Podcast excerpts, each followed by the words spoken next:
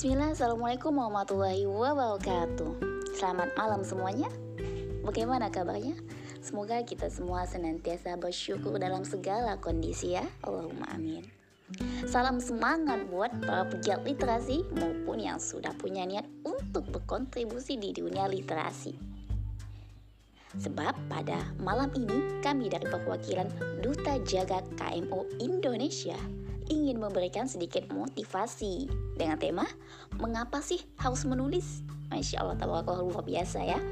Oh ya teman-teman sekalian, sebelum lanjut kita kenalan dulu ya. Nama saya Metrati Arbai, saya akan disapa dengan panggilan Kak Meta.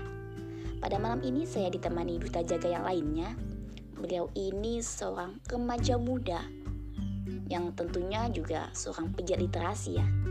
Di usia beliau yang muda ini nih ya, bisa jadi inspirasi dan motivasi buat kita semua. Eh, sampai lupa deh nyebutin namanya. Oke, partner saya yang satu ini yaitu Rifki Akil Sideki. Oke, sekarang kita lanjut ke beliau dulu yuk. Uh, Kak Rifki, mengapa sih kita harus menulis? Bagi Kak Rifki sendiri nih, apa sih urgensi atau pentingnya menulis itu? Oke, silakan Kak. Baik, terima kasih Kak Meta. Jadi teman-teman, bagi saya menulis itu penting karena menulis merupakan salah satu cara untuk mempersiapkan kehidupan kedua setelah mati. Maksudnya apa? Ketika kita sudah tidak lagi hidup di dunia ini, dengan tulisan-tulisan yang telah kita buat, itu akan membuat nama kita terus hidup. Orang-orang akan terus membaca tulisan kita, dan orang-orang akan terus mengingat kita meski kita tidak lagi berada di dunia ini. Namun pastinya satu hal yang perlu kita perhatikan ketika kita menulis adalah apa yang kita tulis haruslah memberikan suatu manfaat buat orang banyak, bukan malah sebaliknya. Kemudian selanjutnya, bagi saya menulis itu penting karena menulis dapat menjadi sebuah jalan untuk memahami dan memaknai kehidupan. Saya pernah membaca sebuah quotes dari penyair ternama asal Inggris yaitu Cecil Day yang kurang lebih artinya mengatakan bahwa kita tidak menulis untuk dipahami tetapi untuk memahami. Sebagaimana quotes tadi, di dunia ini ada banyak hal yang terjadi. Setiap orang memiliki keresahan dan masalahnya masing-masing. Nah, dengan menulis, kita bisa mengurai setiap masalah yang ada dan memudahkan kita untuk mengerti kenapa itu terjadi sehingga kita bisa menyikapinya dengan baik.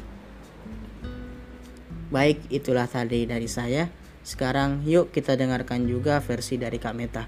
Mengapa sih kita harus menulis? Silakan Kak Meta. Baik, terima kasih kepada Kak Rifki atas alasannya yang luar biasa. Mengapa sih kita harus menulis? Insya Allah ya, tadi alasan yang sudah disampaikan oleh Kak Rifki itu sudah sangat luar biasa. Oke, selanjutnya dari saya ya. Oke, di sini sih saya hanya menambahkan ya. Sedikit alasan dari saya sudah masuk tadi disampaikan oleh Kak Rifki. Selanjutnya saya menambahkan yang juga alasan mendasar bagi saya pribadi juga ya teman-teman sekalian. Adapun alasan mengapa sih kita harus menulis bagi saya ya teman-teman pertama itu menulis itu bisa menjadi wasilah atau media dakwah terkhusus untuk memperluas jangkauan sasaran dakwah.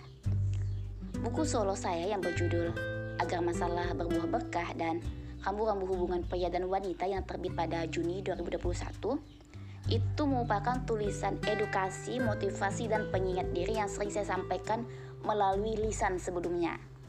Jadi buku ini alhamdulillahnya sudah dibaca oleh ratusan pasang mata di seluruh pelosok negeri mulai dari Pulau Sumatera, Jawa, Kalimantan, Sulawesi, dan Kepulauan Maluku. Hanya saja belum sampai ke Pulau Papua. Pesan dakwah yang dulu saya sampaikan secara lisan, yang hanya diterima oleh lingkungan kecil yaitu di daerah sekitar saya saja yaitu di Kalimantan Barat.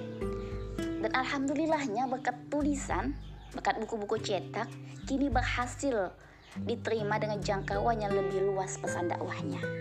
Jadi, melalui tulisan itu memperluas jangkauan sasaran dakwah. Adapun alasan lainnya, tambah lagi ya teman-teman sekalian.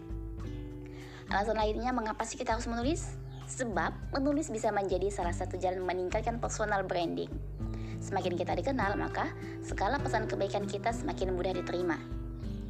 Ini sudah saya buktikan loh dengan menjadi peserta kelas menulis di komunitas yang luar biasa yaitu KMO Indonesia.